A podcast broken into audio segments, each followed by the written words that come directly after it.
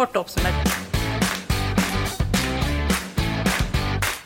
Hei, jeg heter Silje Kjosbakken. Jeg er andre nestleder i Rødt, og jeg har lyst til å snakke om rimelighetsvilkåret. Men for å snakke om det, så må vi først ta for oss internflukt og hva det betyr. Norge sender i dag eh, asylsøkere tilbake til eh, land og byer de har flyktet fra.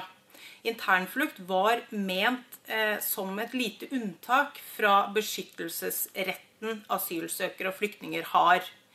Eh, dessverre ser vi i Norge at eh, det er blitt en veldig omfattende bruk av internflukt hvor du da eh, skal sende folk tilbake til krigsherjede land og mener at det er trygt enten i byen eller et annet distrikt eller område. Rimelighetsvilkåret det tok også hensyn til asylsøkerens eh, kjønn, alder, om det hadde nedsatt funksjonsevne, om det var en enslig forsørger eh, og sånne ting. Eksempel, sender du en enslig mor tilbake til en eh, by i Afghanistan. Eh, vil hun kunne få seg jobb for å forsørge familien sin? Vil hun kunne sende barna sine på skole? Det var sånne ting rimelighetsvilkår tok for seg.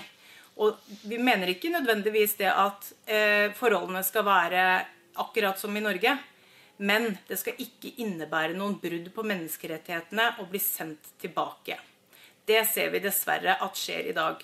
Og Norge er faktisk det eneste landet i Europa som ikke følger rimelighetsvilkåret. Så vi i Rødt ønsker at rimelighetsvilkåret gjeninnføres.